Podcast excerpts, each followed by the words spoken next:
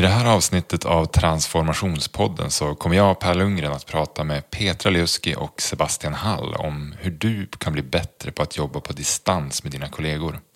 Du kommer få många tips på verktyg men också ta del av våra tankar och erfarenheter som vi hoppas ska hjälpa dig framåt. Vi vill också passa på innan avsnittet rullar igång här och dra en liten lans för vår nya onlinekurs som sätter igång här i slutet av april. Den heter Digital transformation i offentliga verksamheter och riktar sig till dig som på något sätt har ett ansvar att driva digitaliseringsprojekt i en offentlig organisation. Det här är en kurs där du får modeller som hjälper dig att analysera din organisations digitaliseringsutmaningar men också verktyg för att driva digitaliseringen framåt. Om du vill veta mer om den här kursen så har vi postat en länk i avsnittets beskrivning.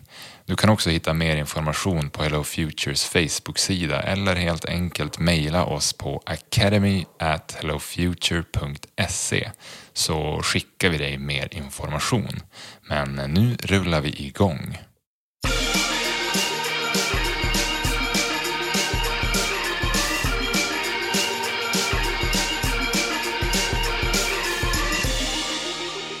Hej och eh, välkomna till ett nytt avsnitt av Transformationspodden.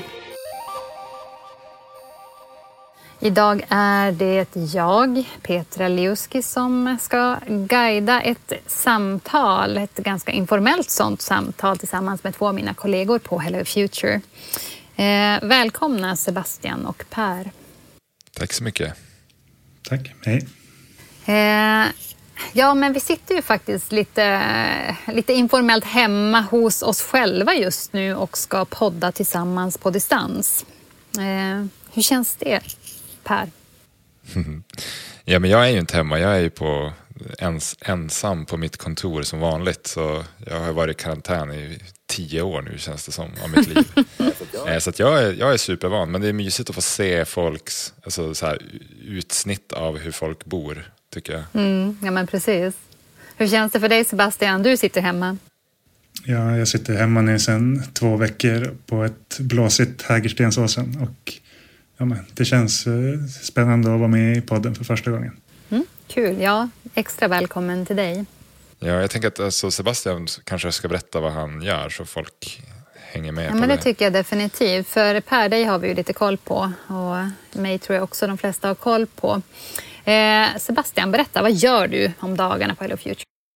Ja, eh, jag är ju en Hello Future-räv kan man säga. Jag har varit med länge, sen inte lika länge som vissa andra, men ganska länge. Sen 2014 kanske. Och eh, jag jobbar som eh, interaktionsdesigner och eh, intern produktägare kan man säga åt kunder som vi utvecklar mjukvara tillsammans med. Jag är också med och leder processer och faciliterar workshops och sånt. Och det är lite sånt vi kommer att komma in på idag, tänker jag. Mm. Ja, men absolut. Som sagt, varmt välkommen. Eh, och eh, jag tänker att vi kan presentera lite grann vad det ska handla om. Vi, vi har ju alla eh, blivit uppmärksamma på den coronakris som, som världen befinner sig i och allt som händer i ett väldigt raskt tempo eh, runt omkring oss. Eh, och det är också anledningen av att vi sitter hemma eh, och jobbar hemifrån eh, på ett annat sätt.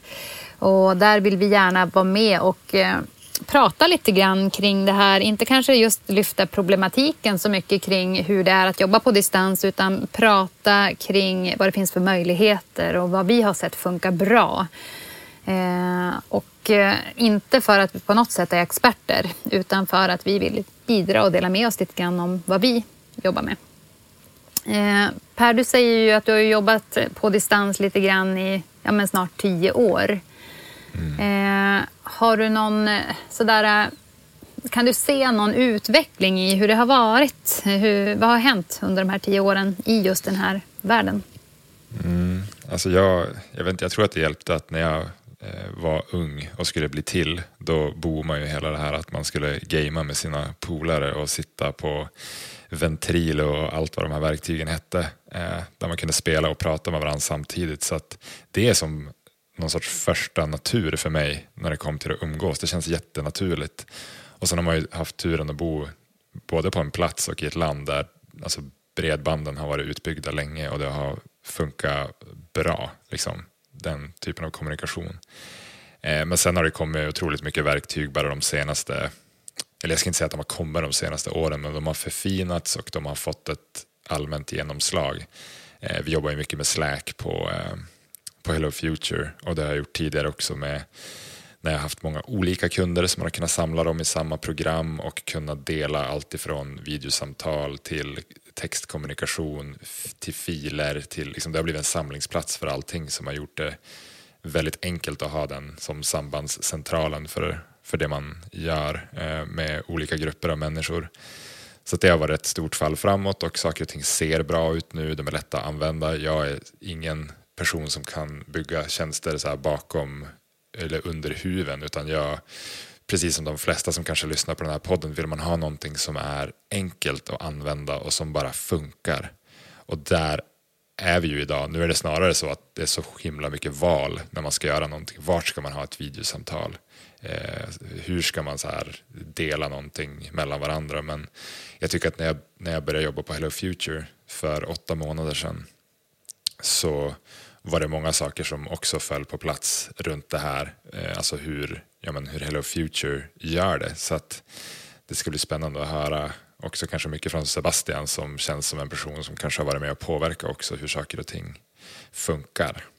Eh, vi ska återkomma till det lite grann Sebastian, men för att rama in lite så är det ju just det att eh, tempot har ju ökat kan man ju säga. Dels så den här förändringen som du nämner också Per, den, har, den är ju ganska påtaglig hur det har hur vi successivt har förflyttat oss. Eh, både när det gäller kvaliteten på de här hjälpmedlen vi har men sen också våran mognad.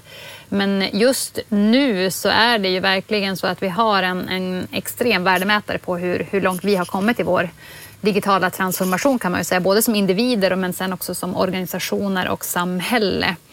Eh, för nu går det undan. Eh, bara de här senaste veckorna så jag vet inte hur takten, det går inte ens att berätta hur, hur hög hastighet det är på transformationen nästan och mognaden. Eh, Sebastian, hur, hur har du upplevt det? För du har ju också jobbat en del eh, remote, eller som på distans.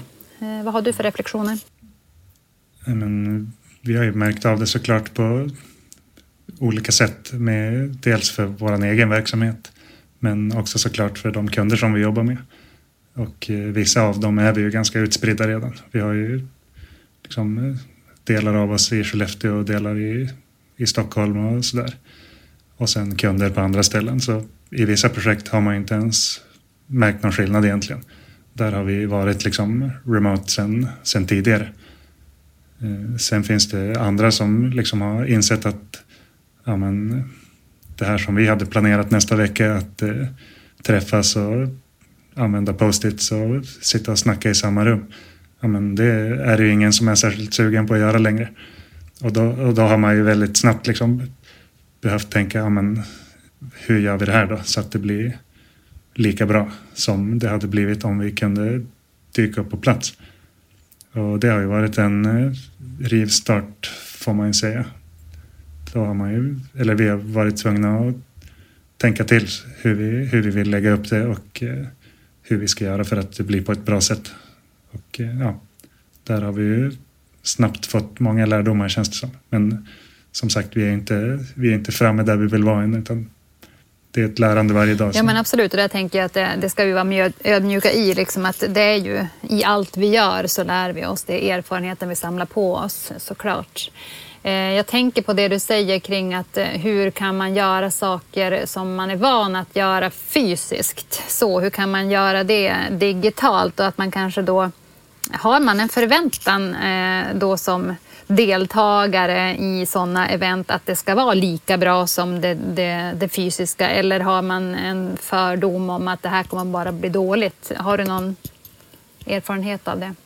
Mm. Ja, jag tror att det är så himla olika hur, hur bekväm man är som deltagare. Att när man ses i samma rum och man kan se varandra då, då finns det någon typ av utjämnare ändå. Liksom. Man ser när någon är lite obekväm, man kan hjälpa varandra på traven ganska bra. Sitter man i, sitter man i en digital kontext och någon blir lite tyst eller inte hörs på en stund så vet man liksom inte om det är för att den sitter och kollar sin mobil eller gör någonting annat eller bara inte av någon annan anledning kanske inte har något särskilt att säga sådär. Så att det finns eh, många liksom små informella signaler som, som går förlorade. Så det är någonting som, som är intressant att tänka på. Mm, ja men precis. Per, vad tänker du kring det? Ja, det slog mig nu egentligen, jag har inte tänkt på det så mycket, men bara det här att man inte vet när någon tittar på en när det är digitalt, om man är flera stycken, så innebär att man får ju som aldrig talturen på samma naturliga sätt. Mm. Vilket gör att, i alla fall jag har känt det, att jag har väldigt lätt att bli passiv eh, i videomöten för att jag inte riktigt fattar när jag ska ta, ta till orda sådär. Eh, jag vet inte om det finns, nu, nu kör vi, om vi ska vara helt transparenta så kör vi ett system nu där vi försöker ja, tydligt markera om man har någonting att säga så att det ska bli lättare att fördela ordet när det är, för vi sitter ju på Meet just nu, Google Meet och tittar på varandra från, från Stockholm, Skellefteå och Umeå. Eh, och bara det kan vara svårt när vi är tre personer som känner varandra så att vi får liksom överdriva hur, när vi vill ha ordet och sådär. Så det, ja, det, är, det är klurigt. Mm. Ja, men det är ju det. Jag tänker att det handlar väldigt mycket om att öva. Det här är ju lite grann som, eh, som att börja en ny sport eller en ny aktivitet. Vi behöver ju våga testa saker och sen behöver vi också upprätthålla det där och träna, träna, träna och sen kan man ju kanske komma till en nivå där man är, kan behärska det hela och sen förfina det. Eh, och om man backar tillbaka lite grann och funderar kring den här digitala mognaden eh, det började ju, som du var inne på Per, lite grann, eh, att du började kanske när det var gamingdelar och sånt. Men Sebastian, eh, hur ser du på det här att jobba eh, med olika typer av verktyg just när det gäller att vara interaktiv? Har du sett någon förflyttning där och finns det olika användningsområden för olika saker och så?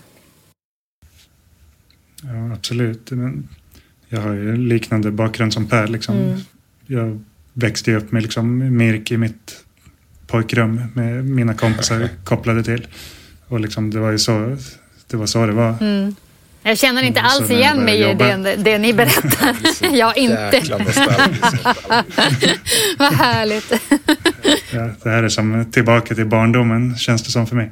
Nej men det, det är faktiskt så att när jag började jobba så kände man ju som att det var lite, inte ett steg tillbaka men lite av det här liksom informella, bara hänget i en digital kontext. Det försvann och så mm.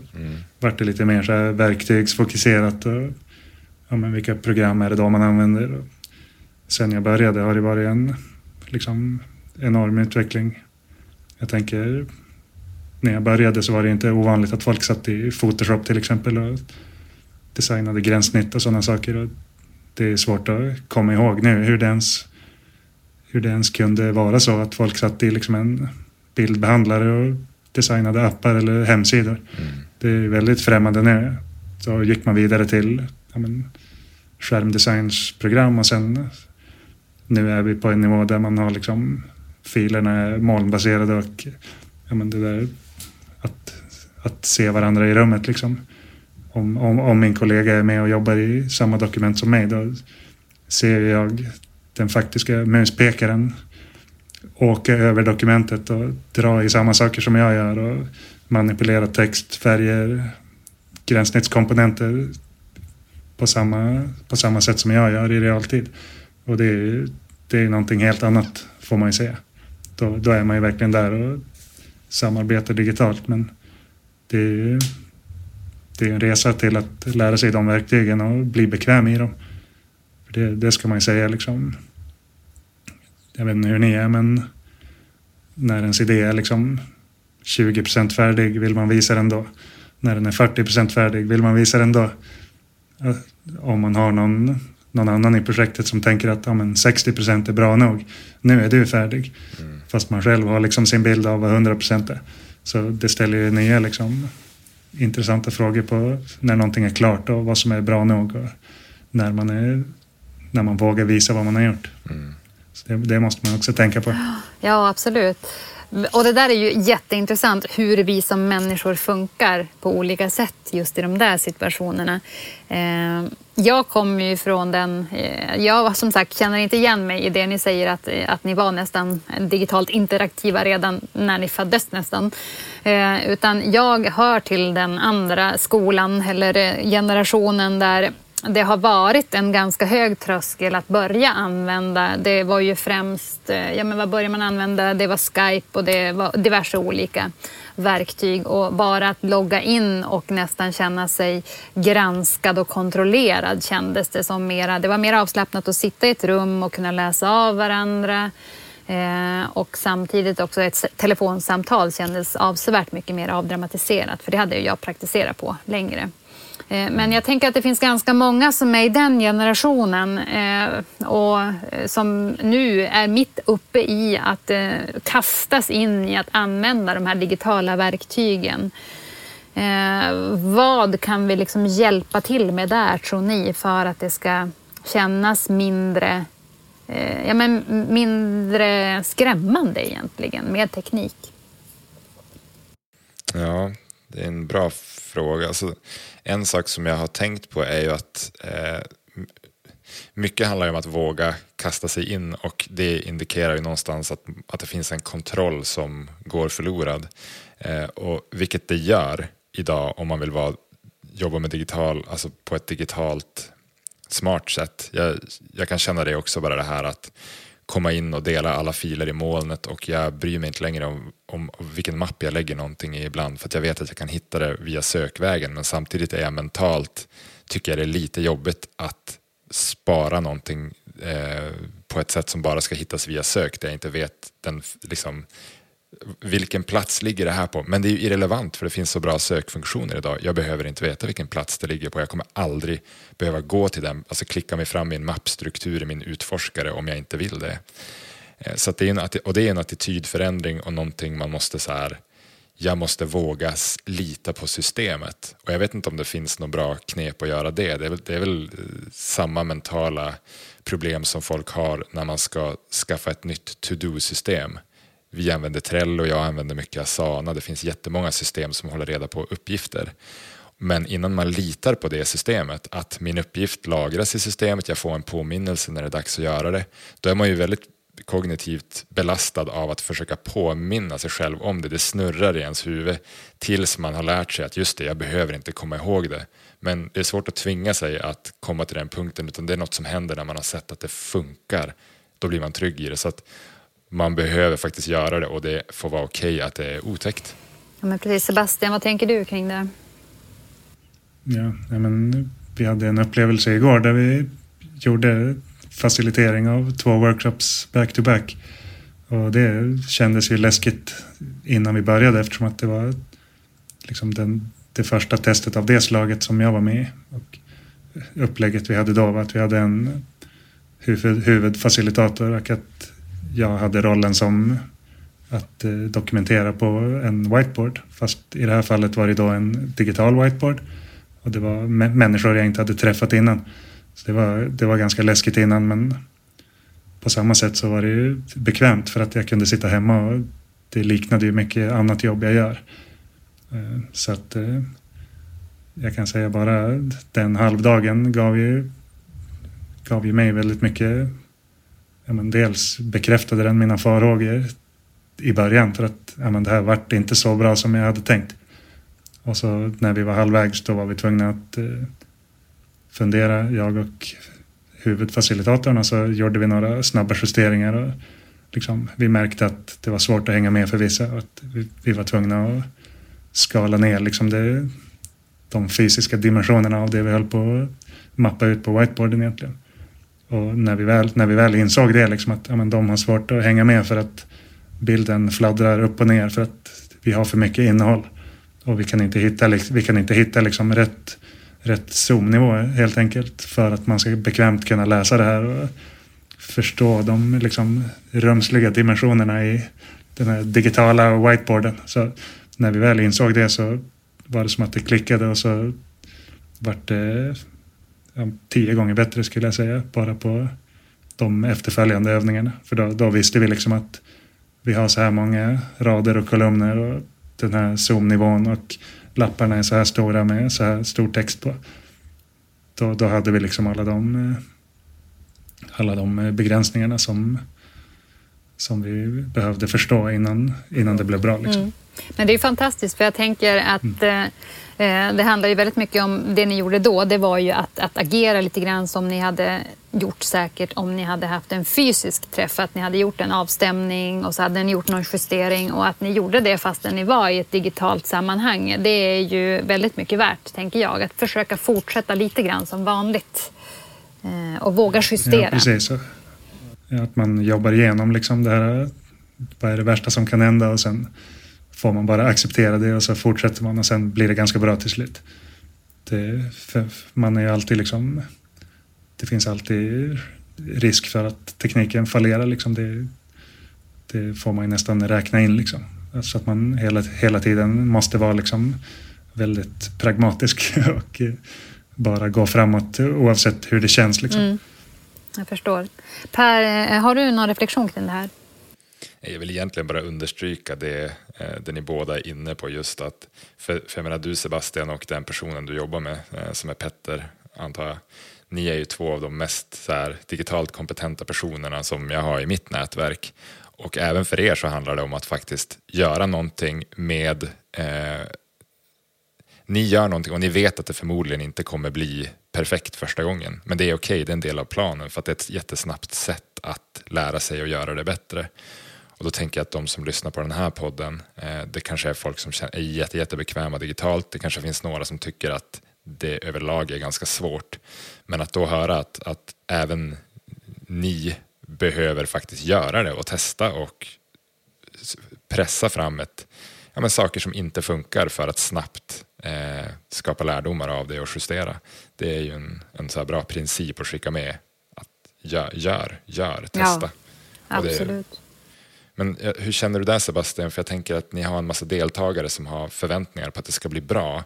Eh, bör man mm. prata med dem innan eller hur, hur gör man det? Ja, men vi var ju tydliga med liksom att det här är ett gemensamt lärande. För att eh, det är en, en ny situation för dem och det är en ny situation för oss. Så att eh, vi öppnade egentligen med det att ja, men, är det något som inte känns bra eller är det om ni får funderingar eller någonting så tveka inte och bara säg till så försöker vi justera liksom under tiden det här pågår. Eh, så jag, jag, tänker att det är så man måste, måste göra. Att när man, och det är egentligen liksom, det är något man borde göra när man bara har ett vanligt möte också. Liksom att det finns ju inga egentliga regler för hur ett möte måste gå till utan man kanske ska tänka lite öppet där också. Mm. Alltså att, eh, att man tar lite energi till att se, ja men funkar det här bra för alla som är med? Är det något vi kan göra bättre? Och tänka på det sättet även, även digitalt.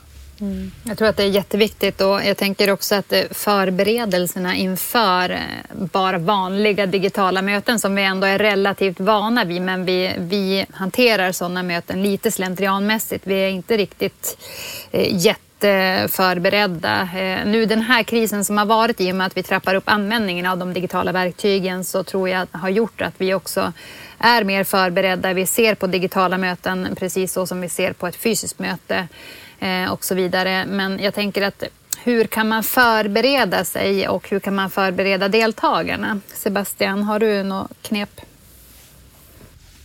Eh, ja, det finns ju mycket man kan göra och eh, några saker är liksom att man måste inse att det finns styrkor och svagheter med båda sätten att jobba så att de liksom de svagheterna som det, det, är lätt att fokusera på svagheterna. Att ja, men, tekniken känns krånglig eller det är svårt att hänga med och alla kommer kanske inte till tals på samma sätt om man inte kan läsa av rummet. Alla de här liksom, svagheterna kommer också med en rad styrkor.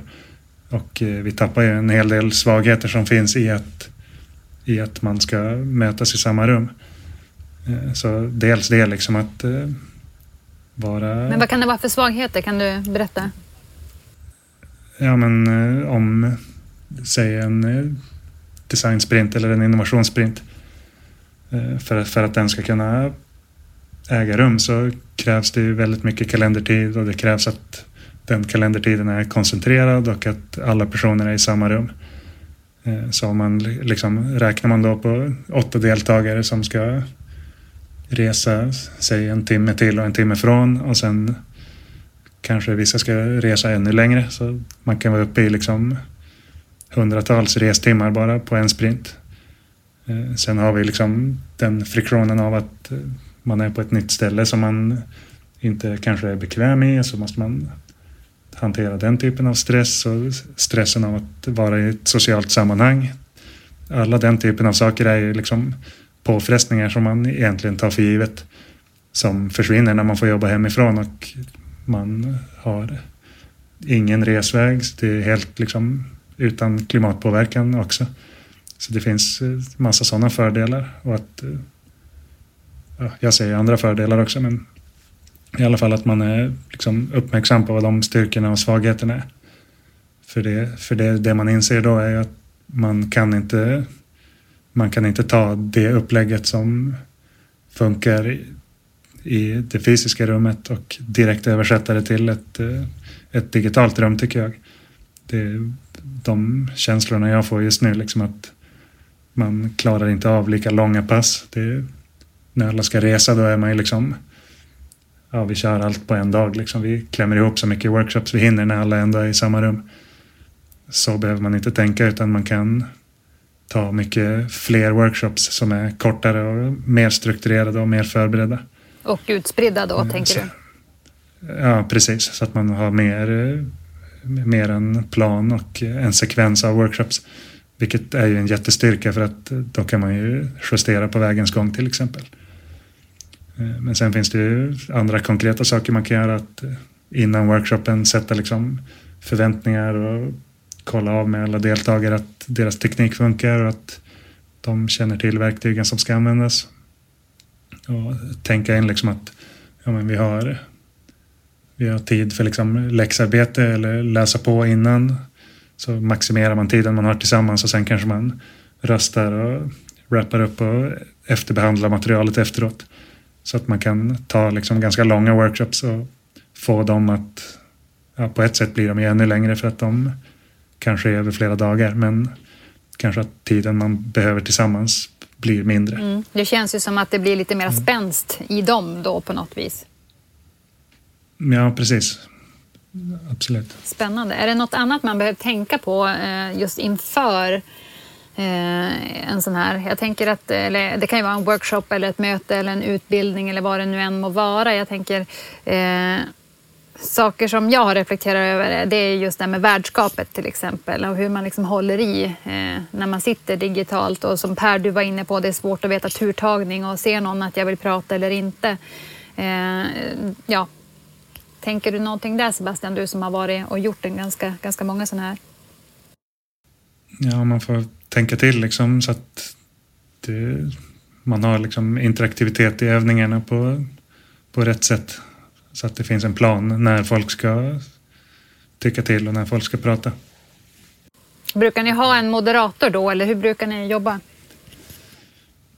Ja, det är väl i det fysiska rummet så har man ju en facilitator som vars syfte är liksom att ge en plattform där alla ska kunna delta på ett eh, gemensamt rättvist sätt att komma till tals och få sin, liksom, sitt perspektiv hört oavsett om man är introvert eller extrovert till exempel. Så det kan man ju översätta till det digitala direkt. Att man får ju hålla koll på vem som pratar och försöka styra ordet. Och, och sen kan man ju planera in det liksom att ja, men, under den här tiden så genererar vi kanske idéer och liksom breddar vad det är vi har på bordet och sen har man övningar där man smalnar av och liksom ber folk att rösta och, så att man blandar liksom blandar vilket mode man är i så att det inte blir liksom ja, nu sitter vi en timme och går igenom en agenda och sen är workshopen slut fast det fanns inte så mycket arbete att göra utan man får tänka till, tänka till så att det faktiskt är meningsfullt arbete som man ber folk att göra. Men det gäller ju också i det fysiska så det, mm mycket av de här generella grejerna är ju samma. Men, men det är på ett lite annat sätt. Ja, det, jag tycker det är superspännande att, att höra och eh, att eh, sen också kunna eh, få se om några veckor eller månader hur vi faktiskt har förändrats. För jag tror ju att det här kommer att, att leda till, eller det som händer just nu då med corona, att det kommer att leda till att vi har allt fler digitala sammanstrålningar och, och, och tjänster och erbjudanden. Eh, helt klart i framtiden. Intressant. Vi hade på något sätt teknik. Vi hade alltid tekniken, men vi hade inte incitamenten.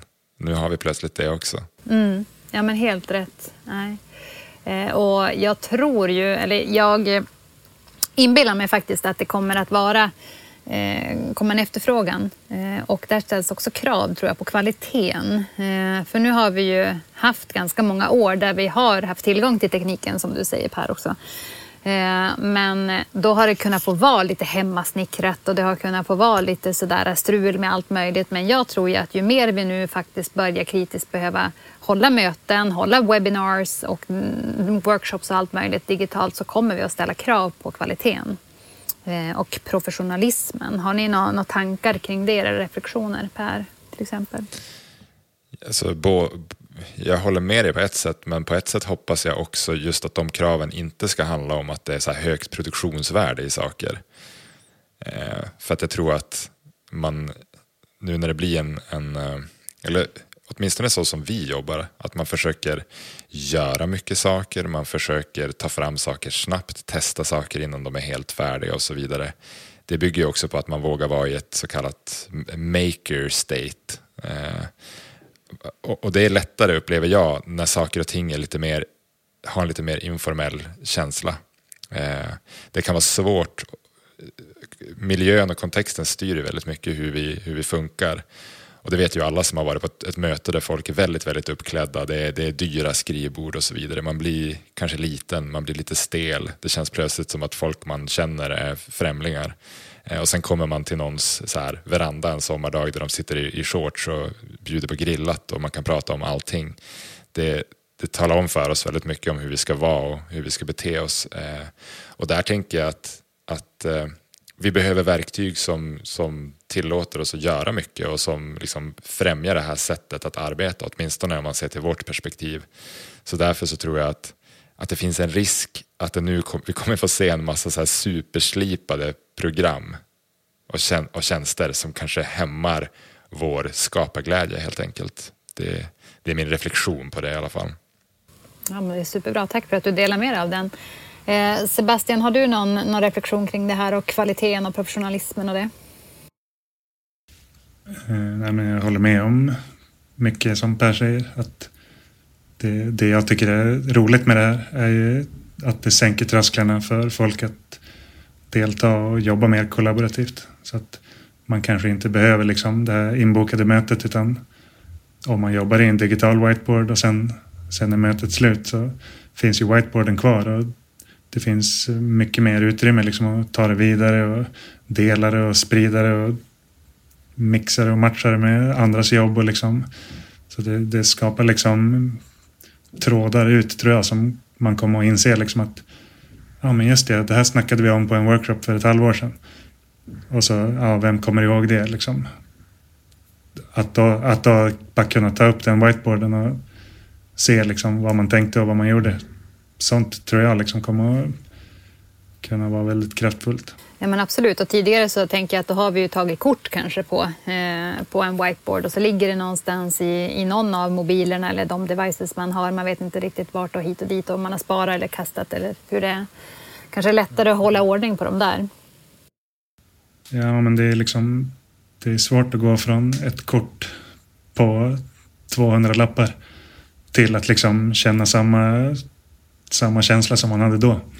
Och liksom gå tillbaka och ja, men, vara stämda av det här och fortsätta jobba med det. Det är ju i princip omöjligt. Men eh, sitter man i samma dokument, men då är det ju helt plötsligt väldigt enkelt. Alltså då, då är man ju inne på en sökning liksom. Och så ser man, ser man vad man har. Ja, men, precis. men vad krävs det av, om, om jag ska vara med i en... Du pratar om att eh, eventuellt så, eh, ja, men så, så behöver man eh, träna eller åtminstone prima de deltagare som ska vara med. Men om, om jag nu ska vara med i en workshop, vad krävs det av mig då? Om jag är totalt novis vad gäller tekniska verktyg och jag är också lite rädd och osäker. Hur skulle du coacha mig in i en sån? Ja, men jag skulle approacha det på samma sätt som jag skulle göra själv. Och det är att börja någonstans på Google eller Youtube och se vad som finns.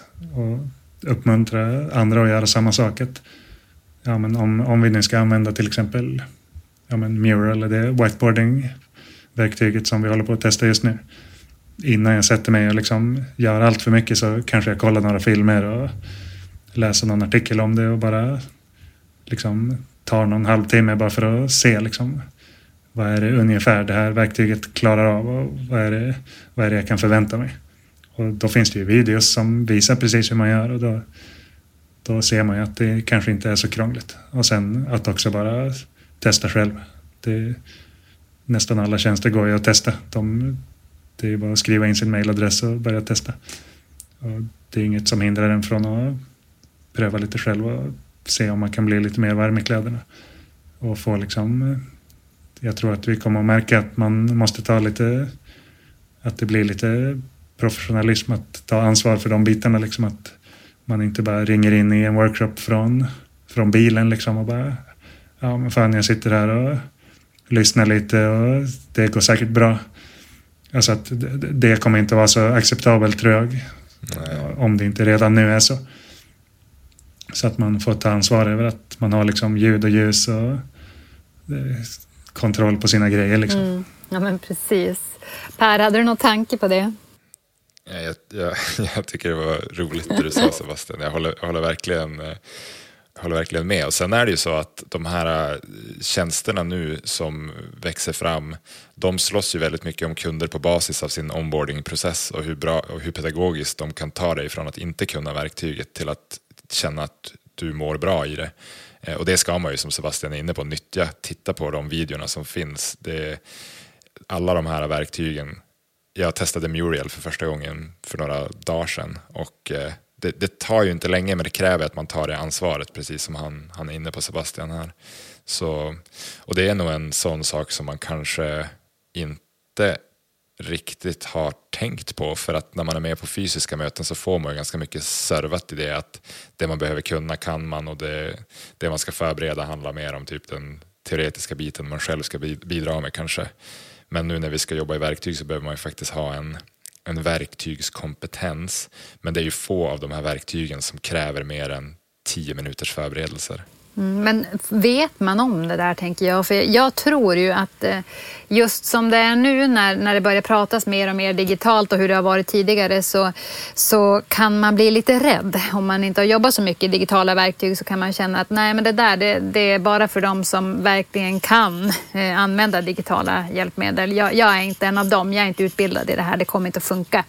Eh, hur, ska man, hur ska man tänka där, Sebastian? Mm. Så som vi tänker nu, liksom, det är att det här är nytt för de allra flesta. Så vi börjar med liksom att vi tar ansvar över den, den digitala dimensionen och sen är alla andra med och påverkar den. Så på samma sätt som man skulle kunna göra i ett rum, liksom att designern står vid whiteboarden och ritar det som folk pratar om eller skriver på lappar det folk pratar om. På samma sätt kan man göra så i en digital kontext. Men då gör vi det med liksom planen av att det bara är första trappsteget. För så fort någon frågar liksom, amen, kan jag komma in och liksom göra någonting eller vad är det för verktyg ni använder? Amen, då är det ju bara en länk bort och då kan de vara i samma verktyg. Så, så vi hoppas kunna liksom få folk att se vad verktygen kan göra till en början och sen bli nyfikna på att använda dem själv. Och sen den ultimata målbilden är att alla jobbar liksom jämlikt tillsammans och att det blir verkligen kollaborativt. Mm. Ja, det, det, är en fantastisk eh, vision att ha en målbild, tänker jag. Per, några tankar där? men jag tycker just jämlikhet är ett jättebra ord, för de här verktygen är ju, de tar ingen, du har ingen fördelar för att du är karismatisk och har en högre social ställning än någon annan. Det, det, det är en ganska häftig upplevelse att släppas in i ett sånt här whiteboard-verktyg som Muriel eller Miro, ett annat vi har använt lite grann, och se allas muspekare åka runt och sen får man en tydlig uppgift av facilitatorn att kanske dra in tre bilder som ska representera någonting och plötsligt så är det så utjämnat, alltså spelfältet är så utjämnat som det aldrig blir i ett rum, hur duktig facilitatorn än är. Eh, och, och det är en häftig känsla och det tycker jag att folk ska utforska mer. Vad händer när man tar bort faktorer som eh, social status, karisma, eh, ni vet alla de här klassiska som styr hur mycket plats man får på ett möte och hur bra en idé verkar vara. Vi har ju, vi har delvis gjort det med, med andra metoder under fysiska möten men det här är verkligen ett steg till. Mm. Ja, jag håller med om det. Eh, jag tänker så här, men vad gör man åt, om, om jag nu skulle hålla en, en, eh, en workshop och har bjudit in min, min, mitt team. Jag börjar liksom på en enhet inom en kommun och nu ska vi på den här enheten jobba tillsammans i Mural eller någonting. Eh, och så vet jag att det finns, eh, det finns en som aldrig deltar aktivt, eh, som är med på alla träffar man har, men absolut aldrig eh, tar ordet, aldrig deltar, ingenting. Och så vet jag att det också finns en eller två som är jätteteknikrädda då. Hur ska, jag, hur ska jag ens närma mig det här om de inte tar till sig att alla är med på samma villkor? Eh, ta gärna en extra stund på er för att förbereda er och, och titta vad verktyget handlar om. Eh, vad kan jag mer göra? Har vi några konkreta tips här? Sebastian? Eh, be dem sitta med liksom ett eh, penna och papper framför sig.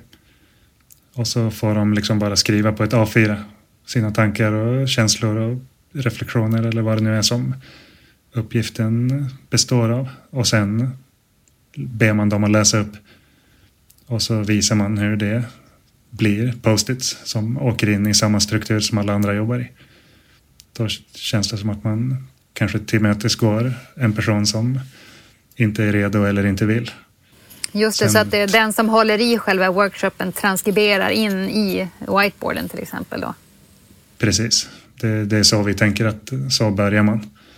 Och då blir det väldigt enkelt. Folk kan sitta med post-its vid sin dator och sen läser man upp dem inför grupp och sen transkriberar man dem på den digitala whiteboarden till exempel. Så det, det är liksom steg ett och sen steg två är liksom in i in i verktyget och eh, jobbar jobba själva i större utsträckning. Men sen så tänker jag också att man, för jag tror att på många arbetsplatser så finns det en, eh, vad ska man säga, det, det, finns någon sorts, man förutsätter att folk ska vara ganska bevandrade i digitala verktyg och typ modiga att testa och, och så. Så att jag tycker att man kan rent på det mjuka planet kanske lyfta det mer och få folk att våga prata om varför det känns jobbigt och upplever du att du tappar kontroll nu och så vidare. Att man, man, tar, man behandlar det på ett, på ett seriöst sätt och inte bara förutsätter att alla ska klara av det för då skapar man ju ännu mer ojämlikhet bland de som har, som mig och Sebastian, kanske fötts med Mirk och Ventril och Teamspeak och alla de här coola grejerna mm. för väldigt många år sedan i sitt pojkrum och de som har fått lära, det sig, lära sig det i, i vuxen ålder då det är ett större steg och man har inte suttit nätterna igenom i fem års period och bara nött sådana här grejer. Men då tänker jag att det skulle vara intressant att eh, gå tillbaka till eh, den delen. Eh, Sebastian, du pratade ju om att ni var två stycken igår när ni höll i en, eh, en workshop. Eh, mm. Är det någonting som man alltid ska vara digitalt också? Eh, det kom sig faktiskt av att vi skulle vara två. Och sen vart det flyttat till ett digitalt möte där man då fortsatte vi vara två. Eh, jag kan säga så här i efterhand att det är nog ganska svårt att leda diskussion och eh, göra dokumentationen samtidigt. Särskilt om man är liksom minsta osäker på verktyget. Så det tror jag absolut att eh, det är ett ansvar man kan ta själv eller delegera ut skulle jag säga. Sen, sen tror jag att liksom under vissa förutsättningar då då är det nog inte lika nödvändigt att vara två män i liksom i kund, kundworkshops eh, där man ändå liksom då har man lite mer press på sig känner man som konsult och sådär. Att, att eh, leverera på en viss nivå. Så då, då känns det bra att vara två så att man, så att man kan leverera högre kvalitet. Typ. Kanske om eh, man sitter några kollegor och ja, bara spånar lite, ja, men då är det ju lite overkill med liksom, någon som bara ska ta anteckningar. Ja, precis. Du har ju varit med också när vi har gjort webinars för Hello Future eh, och då har vi också lite olika roller. Så där har vi också varit en konstellation av två eller tre individer, eller hur? Olika roller.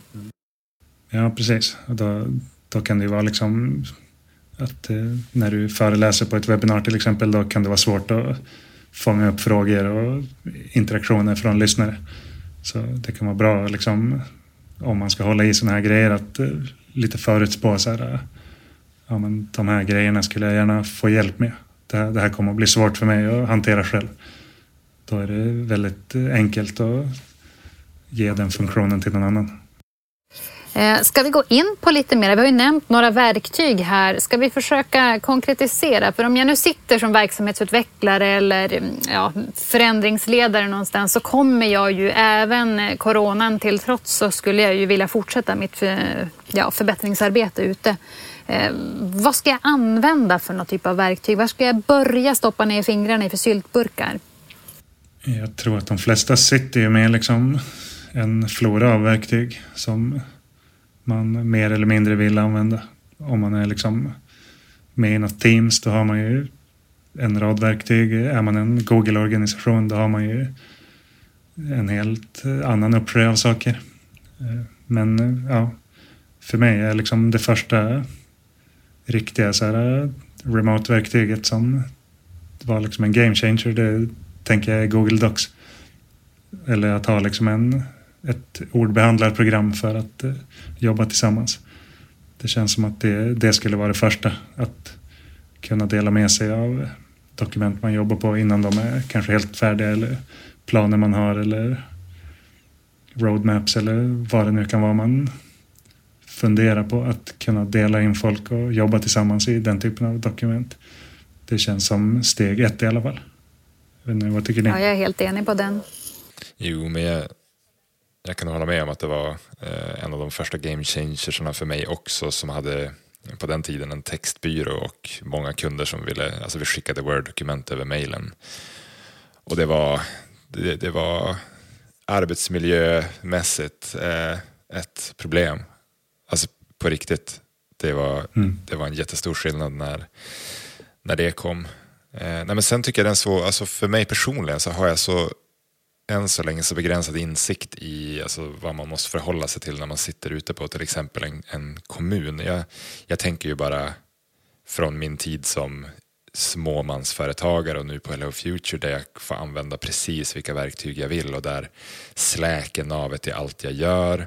Google Docs är det andra navet eh, och sen Google Meets som är de tre plus en, ett whiteboardverktyg som Miro som jag har använt allra mest. Men jag, när jag har sett eh, Muriel demas så tänker jag att det är väl typ samma sak. Eh, jag, de är ju typ identiska.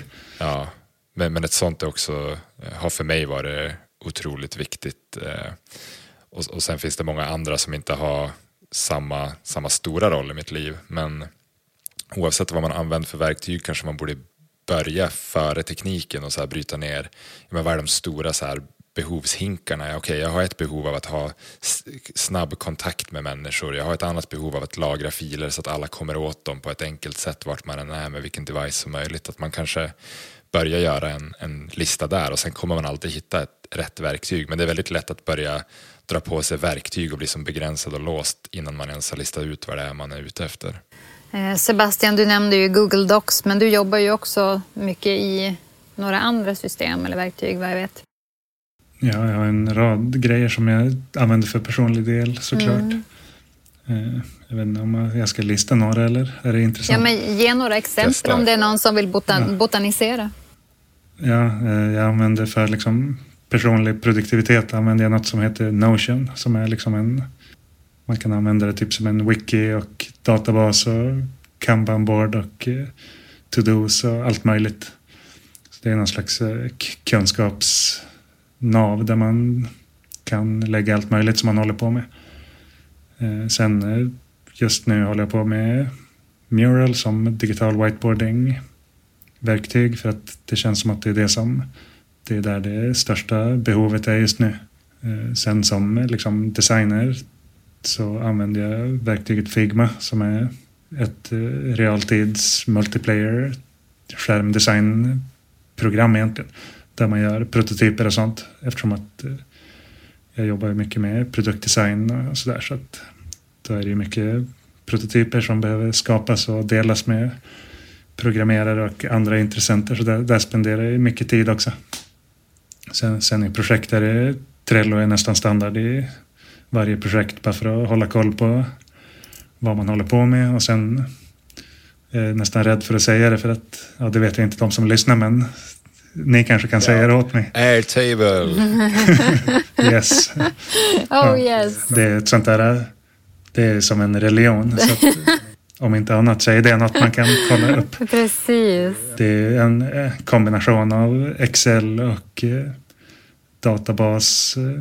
eh, databashanterare typ. Låter jätteroligt. Och det, ja, det är superkul. Det, det finns liksom inga begränsningar där. Min gissning är att 95 procent av lyssnarna kommer att vända i dörren när de har gått in på airtable.com. Nej, det tror, tror det. Jag tror att det finns någon där ute som kommer att frälsa sig. Mm, jag tror också. Man kan alltid kontakta dig sen.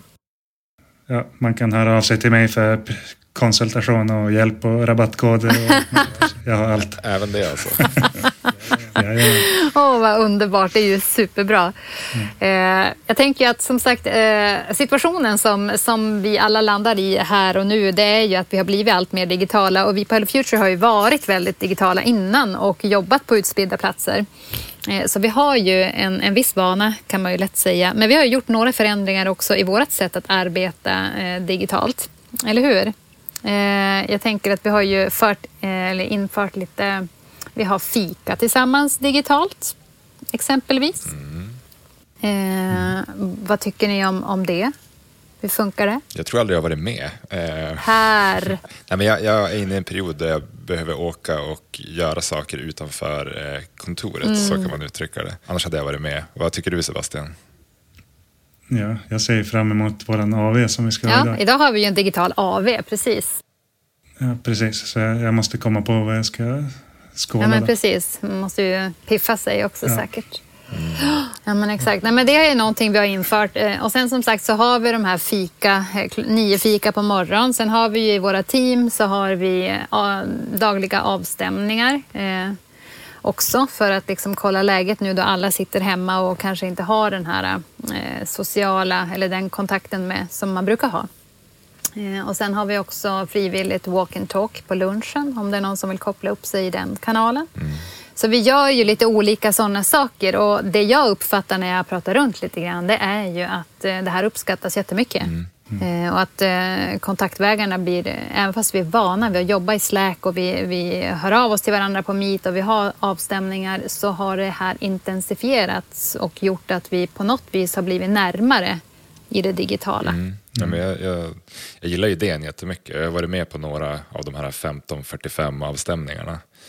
Och jag gillar tanken på att öppna och stänga dagen med sina kollegor även om man inte är på samma plats för att det har en, en stark effekt av att känna sig som tillhörande ett team. Att man, man eh, hittar lättare in i sitt jobb på morgonen när man, när man pratar med varandra. Man får en känsla av att det är fler människor som drar åt samma håll. Man har möjlighet att be om hjälp eller liksom kolla vart, vad som ska hända för varandra. Och sen när man då stänger dagen vid fyra eller fem eller när, hur lång nu ens dag är eh, så är det också ett sätt att ventilera och liksom förbereda sig för morgondagen och bara ja, få en känsla av att det finns fler. Mm. Sebastian, vad tänker du? Ja, nej men det handlar ju om, tror jag, att när man bara har liksom de här online-kontakterna och de kräver att man är lite mer uppstyrd och effektiv. Ja, men då är det ju saker som går förlorat. Så att eh, jag tycker man ska inte vara rädd för att vara lite larvig och ha någon liksom något möte där, här och där som inte behövs eller bara Mm. sitta och snacka lite. Och vi har även en liten chattkanal eller ljudkanal som är öppen hela tiden som man bara kan hoppa in i och snacka med folk. Att det blir typ som att gå förbi någons kontor och bara prata. Och när alla sitter liksom försjunkna i sitt arbete så kan det ändå ibland bli att folk bara sitter där och jobbar och har liksom en ljudkanal öppna mellan sig. Så kan man ändå sitta och småsnacka och göra grejer under tiden. Så allt sånt som liksom bara får folk att prata lite med varandra och snacka om saker som inte är jobb också är ju väldigt positivt när allt annat blir så himla strukturerat och bara fokus på liksom det man ska göra hela tiden. Så jag, jag tror det är viktigt att liksom lämna utrymme för sånt och Ja, inte, inte glömma det som man annars hade hållit på Nej med. men exakt och det tänker jag, det bygger ju också en kultur eh, som vi sen kommer att kunna föra med oss in i de här digitala mötena som vi har i annat fall, alltså workshops och så vidare. Eh, att ha vanan inne och så, det är lite grann det jag också är ute efter. Att hur bygger vi den kulturen att det är det kommer kanske att ske automatiskt nu i och med att vi använder verktygen, de digitala verktygen på ett annat sätt. Men hur kan vi bygga den kulturen i, i våra kommuner och andra organisationer? Det är ju det som är nyckeln till att kunna jobba framgångsrikt, även digitalt och distribuerat. Eh, har ni något annat som ni liksom har som, som ni tycker att vi ska skicka med till alla som sitter där nu eller är ute på sin promenad och, och lyssnar på oss eh, och funderar kring det här digitala? Det här är ju som sagt, nu är vi verkligen på väg in med stormsteg i den här stormen av eh, eh digital transformation jämfört med bara för några veckor sedan. Är det något mer vi ska skicka med? Ja, här, jag vet inte hur konkret det här blir, eh, men jag, jag har som en egen princip som jag har haft eh, stora delar av mitt liv. Nu låter det sjukt pompöst här. Men jag brukar tänka, för det händer ju saker ibland som inte är vad vi önskar. Så. Eh, man kanske blir sjuk eller eh, man förlorar sitt jobb eller någonting. Och nu händer det ju saker hela tiden på olika nivåer som i, jag tror ingen av oss har, hade hoppats på eller önskat. Men jag, jag brukar som hela tiden försöka med mig själv i alla fall att här, när någonting negativt händer, då ska jag tänka okej, det här, om det här inte hände mig, alltså om det hände för mig, att det, att det finns något positivt som det här ska liksom leda till, vad skulle det kunna vara? Och sen tvingar jag mig själv att skapa åtminstone en positiv förändring av det här nya som gör att jag kan titta tillbaka sen och, och inte bara känna att det var tråkigt att det hände utan bara känna att liksom, vad skönt att det här hände för att nu, nu har jag lärt mig det här eller nu har jag blivit kompis med den här personen. Det kan vara någonting litet men jag, jag tycker för mig har den inställningen har gjort att när, när det händer negativa saker så har jag som, nu är det betingat att jag direkt blir så här, okej, okay, vad ska jag göra för positiv förändring nu? Och det kan vara alltifrån att så här, okej, okay, nu sitter jag hemma mycket. Vad händer om jag börjar träna 20 minuter varje dag? Det har jag inte haft tid med förut. Ja, men låt oss göra det. Då kommer jag komma ur det här med åtminstone en positiv effekt. Eh, och den inställningen bygger, alltså den, den bygger bra saker. Mm. Ja, det är jätte, jättebra. Tack för att du delar med dig av den Per. Ja, men apropå det, då tänkte jag fråga, vad tror du kommer att hända när det inte längre är de här omständigheterna? När folk vill börja ses i ett fysiskt rum igen. Tror du att det kommer att vara liksom, är det här en temporär ändring eller kommer det här att få längre konsekvenser? Vad tror ni? Jag, jag tror, ja precis, jag tror att det kommer att eh, eh, jag hoppas att folk kommer att ha tvingats jobba på nya sätt och insett att det funkar och att det kan vara ganska smart i vissa fall. Och att man typ har, ni vet så här, när man investerar i att lära sig någonting, ett program till exempel, då vill man gärna argumentera för att det programmet är det bästa för att man har ansträngt sig lite. Och jag tänker att den effekten kanske kan bli gällande nu, att man har faktiskt ansträngt sig för att bli duktig på att jobba på distans till exempel. Eh, vilket jag tror kommer göra att man kommer typ vid, alltså, hålla fast vid vissa av de eh, rutinerna eh, i alla fall. När man sen får börja Mm. träffas, man känner att det här funkar. Och sen tror jag man också kommer märka hur mycket saker man har gjort förr som egentligen inte behövdes. Det funkar ändå. Alltså vissa saker kommer man känna så här, men vi har alltid haft den där typen av möten men uppenbarligen funkar det ändå utan dem. Då kommer de falla bort. Ja, men absolut. Och jag tänker ju personligen att eh, det här öppnar upp för ett, en ökad tillit Eh, för jag vet att det finns många organisationer idag som inte alls litar på eh, att man kan jobba hemifrån. Eh, men nu är det ju upp till bevis och på riktigt verkligen att och vi behöver jobba hemifrån och det kommer att funka för det gör det. Eh, och det tror jag kommer att skapa en revolution som också då bidrar till det du pratar om eh, Per. Just det där att vi, det kommer att bli en självklarhet och vi kommer att gallra i det vi gör och hur vi reser och hur vi beter oss generellt sett. Eh, så på något vis så tror jag att det här är, det är början på någonting mm. otroligt bra. Ja, men jag hoppas att folk ska gilla det här sättet att jobba. För jag ser så himla mycket positiva sidoeffekter av det. Mm. Eh, och då är jag liksom alltid på jakt efter nya verktyg och gillar att använda digitala verktyg. Så det, för mig är det ju bara positivt att så många andra nu är nyfikna på det och vill, vill pröva på och eh, öppen för nya sätt. Liksom. För ofta är liksom det gamla sättet man alltid har gjort saker på. Det finns ju sällan någon liksom koppling till att det ska vara det bästa sättet. Så bara, bara att man inte kan göra på det gamla sättet och måste komma på ett nytt ser jag som väldigt roligt och ja, men positivt. För då tvingas man omvärdera liksom vad det är man gör och varför och hur man ska uppnå det. Så jag, jag hoppas att det får bestående men eller positiva effekter för att använda något, något positivare ord på det. ja. Men vi får väl se. ja men absolut. Eh, det som också är lite intressant i det här som kommer att, att testas det är ju just eh, uppkoppling eh, och även tillgång till internet på olika ställen. Eh, för har man inte det i hemmet eh, då är det ju jättesvårt att, att jobba på distans om man inte har rätta eh, ja, men, förutsättningarna helt enkelt på plats. Jag fick höra häromdagen bara en, en härlig historia om ett gäng kvinnor, utrikesfödda kvinnor som ska starta eget.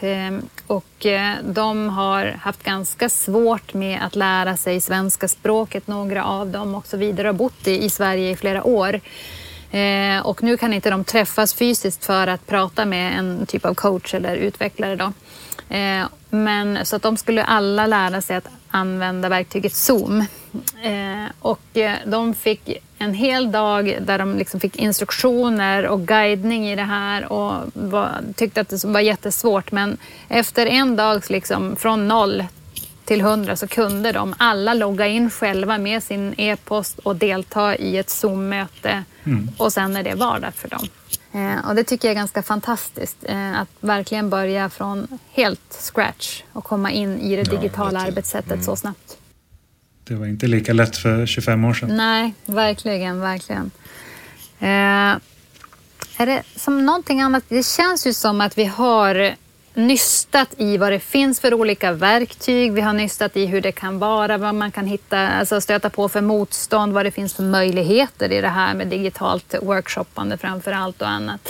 Eh, finns det några andra medskick som vi vill göra? Ja du, det finns... Eh, jag tänker att eh, det, man, man har ju fått mer tid ju och den ska man ju nyttja på något sätt. Hur tänker du att vi har fått mer tid? Ja, men sitter man hemma bor man i Stockholm, jag har ju bott i Stockholm själv, då går det ju mycket tid åt att ta sig till jobbet. Så att man, alltså folk har säkert, snittar säkert ut en timme, så man, man behöver inte ens duscha när man är hemma ju, så att man sparar en massa tid. Eh. Strunta i alla basala hygienbehov.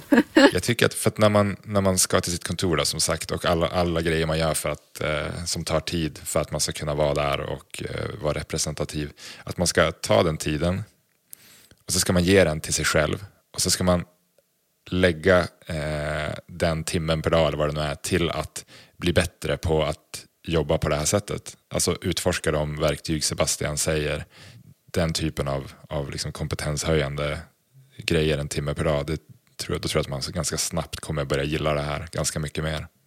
Och där tänker jag att man kan bjuda in kollegor att säga, men du, jag har kikat lite grann på det här verktyget. Jag bjuder in er. Är ni med liksom och, och testar så jobbar vi, labbar vi tillsammans. Kan ju vara en Absolut. bra idé. Mm. Mm. Helt klart. Var flexibel och experimentera och försök en sak i taget. Och så, då flyttar man ju fram sina positioner hela tiden med vad man är bekväm med.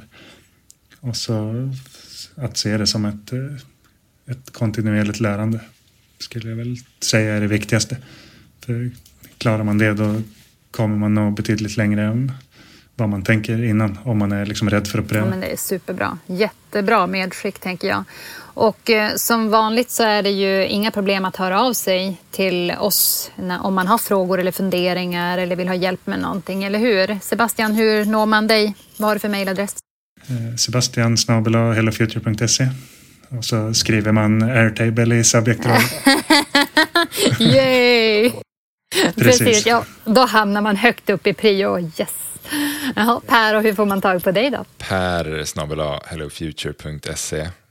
Sen kan man eh, gå in på hellofuture.se också och titta på många av de artiklar vi har där. Nu kanske ingen specifikt handlar om, om exakt det vi pratar om nu, men sen finns ju transformationspodden.se där man kan hitta resten av våra avsnitt och där har vi även, eh, sh- nej nu ska jag inte lova för mycket. Vi har, vi har inget mer där, det är bara våra avsnitt. jag kom på att jag skulle säga något som faktiskt inte finns än men som kommer, men det tar vi sen. Åh, det kommer. Åh, vad spännande. Det är lite grann av en cliffhanger. Ja, det är det. Inte jätteväl sjukt sådär. så ostrategiskt. Men eh, Petra, vi går över till dig snabbt så glömmer folk vad jag, dumma saker jag har sagt. Ja, men exakt. Ja, det tycker jag. Nej, men mig når man på petra.hellofuture.se om det skulle vara någonting. Eh, varmt eh, tack till er, både Sebastian och Per, för att ni har delat med er så generöst av både er själva och er kunskap. Jättestort tack. Och tack till alla lyssnare också. Så får ni ha en fortsatt bra dag där ute.